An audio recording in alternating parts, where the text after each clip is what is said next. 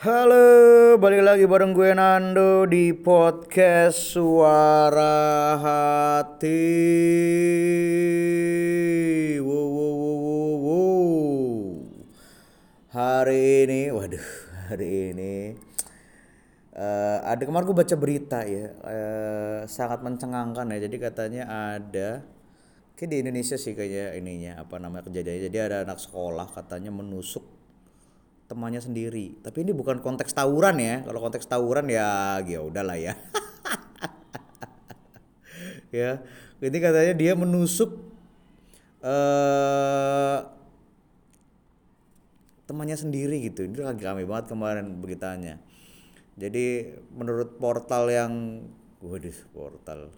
Menurut berita yang ini jadi oh di Banjarmasin, siswa SMA di Banjarmasin tusuk teman sekolahnya. Wah.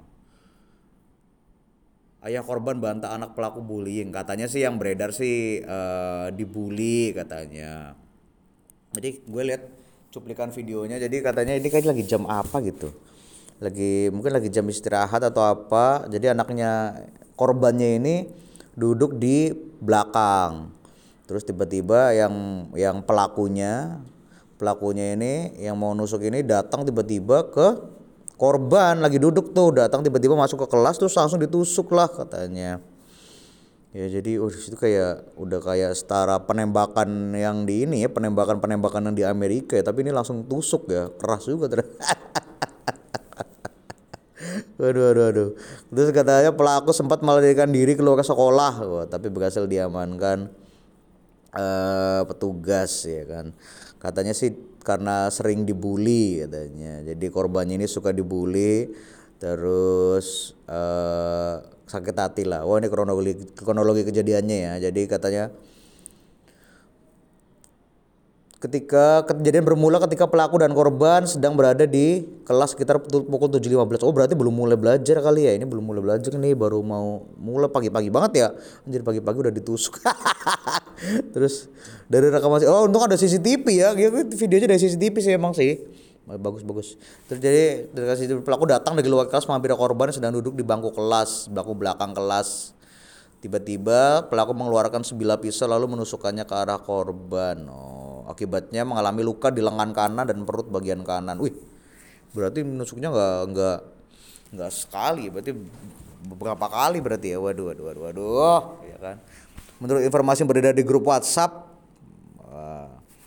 dikenal sebagai pel- pelaku dikenal sebagai sosok pendiam. Dia dikabarkan kerap dibully sejak di bangku SMP. Oh anjay.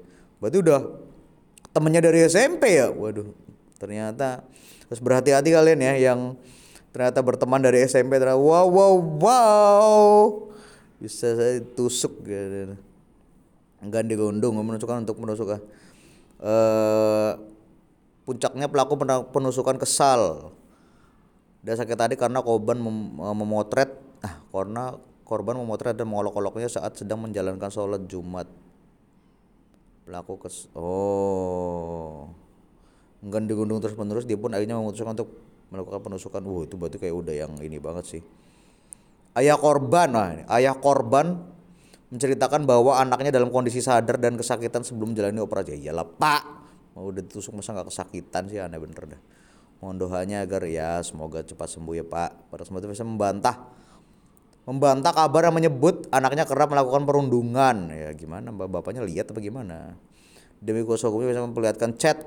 Nah bapaknya memperlihatkan chat antara anaknya dengan pelaku penusukan di dalam pesan teks itu dia menunjukkan bahwa pelaku kerap bertanya soal game atau tugas sekolah kepada korban Terakhir kali pelaku menghubungi anak saya dengan menanyakan posisinya di mana hari ini tadi pagi. Oh, tidak ada indikasi bahwa anak saya ini melakukan tindakan bullying.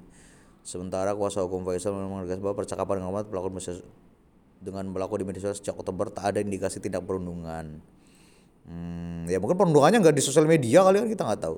Kayak melihat pelaku sering menanyakan posisi korban kejadian pun kami melihat pelaku sering menanyakan posisi korban dan kejadiannya pun di sekolah tidak wajar membawa sajam ya kayaknya udah kayaknya sih perencanaan sih kalau tiba-tiba lu datang kalau misalkan nusuknya mungkin pakai ballpoint ya atau pakai gunting gitu yang ada di sekolah ya perlengkapan perlengkapan tulis gitu ya yang ada di sekolah sih ya itu bisa jadi karena refleks gitu tapi kalau dia udah bawa pisau sih kayaknya bisa jadi perencanaan ya kita nggak tahu juga biar diurus sama polisi ya dia juga mengaku telah berkoordinasi dengan dinas pendidikan terkait situasi tersebut Pemprov Kalsel akan menanggung seluruh biaya. Ah, bagus ini berarti kejadian di negeri kali ya.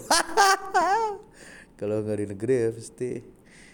Oh, gitu ceritanya ya. Jadi ya itulah ya namanya juga sempat kan kemarin ada yang viral-viral kami katanya uh, yang film Joker yang dulu itu kan kayak katanya orang jahat itu katanya terjadi karena orang baik yang tersakiti katanya. Waduh, waduh, waduh. Ya memang uh, eh, gue sih setuju nggak setuju sih ya sama sama statement itu ya jadi kayak setujunya memang karena memang pada dasarnya orang manusia itu diciptakan baik kan kan karena Tuhan kan menciptakan manusia itu baik semuanya ya kan, kalau tiba-tiba di tengah nggak ada tiba-tiba diciptakan jadi jahat gitu nggak ada ya nggak nggak mungkin ya. Kecuali orang kalau di agama gue aja uh, iblis aja iblis setan itu aja katanya itu dari malaikat.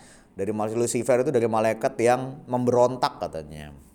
Yang memberontak terus e, dijatuhkan ke bumi katanya kan. Nah jadilah jadi iblis. Jadi kayaknya nggak ada ciptaan yang ciptaan Tuhan yang ya, tiba-tiba diciptakan untuk jadi jahat tuh nggak ada. Semuanya pada dasarnya adalah baik. Tapi di dalam proses ke depannya kan dikasih kebebasan tuh, tuh buat memilih.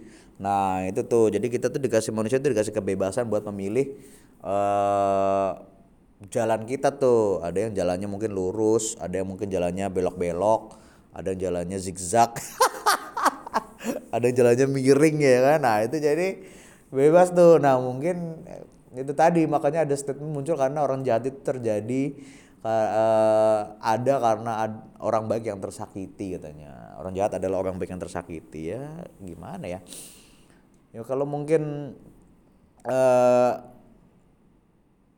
eh, apa namanya disakitinya mungkin sekali dua kali gitu mungkin nggak masalah ya bisa itu bisa kita lupakan. Tapi kalau terus menerus kayak tadi diceritain sih asumsinya sih kalau terus menerus gitu ya dari SMP mungkin dibully ya kan dibully tapi kok dia nggak pindah sekolah tapi mungkin karena sistem zonasi itu ya sistem zonasi. Jadi mau nggak mau ya orang-orang situ juga. Jadi mungkin bisa dipertimbangkan mungkin buat uh, pemerintah. Jadi mungkin sistem zonasi mungkin bisa di bisa dipertimbangkan mungkin agak diubah uh, ininya prosedurnya ya atau bagaimana mungkin di, dihapuskan atau bagaimana. Karena tadi ada jadinya kan ada kayak tadi tuh jadi kayak uh, dia udah dibully nih sama temennya ya kan udah dibully sama temennya dan ternyata dari SMP gitu dari SMP itu sampai dengan SMA ya kan sampai SMA dia nggak bisa pindah sekolah ya karena memang ya bisa aja sih pindah sekolah cuman karena ya kan kondisi ekonomis orang kan kita nggak bisa tahu ya nggak bisa nggak bisa nggak ngerti gitu ya kondisi seorang bagaimana kondisi ekonomi siapa tahu dia memang kalau di negeri kan bisa gratis ya kan. Jadi mau nggak mau ya kalau negeri harus sekolah di dekat rumahnya gitu sistem zonasi ketemu lagi sama temennya yang dulu ngebully dia. Jadi nggak jadi enam tahun tuh mungkin bisa bisa bisa dibully. Kan gimana? Enam tahun mengalami perundungan ya gue juga ya memang sih apa namanya ada selalu slogan-slogan stop bullying, stop bullying, tapi bagaimana ya?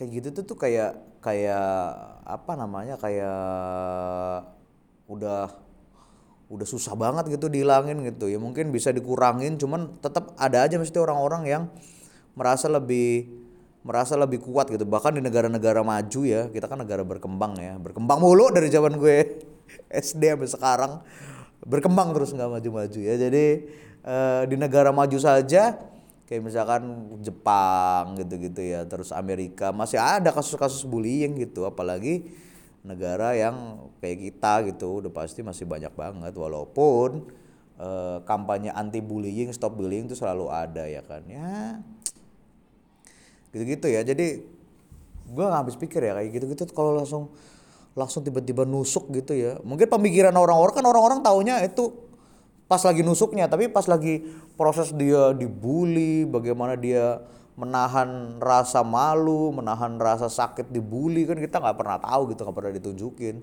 Sampai jadi uh, puncaknya dia sampai kesel banget gitu. Gue nggak tahu mungkin puncaknya sampai kesel banget akhirnya dia bisa sampai nusuk gitu gitu ya.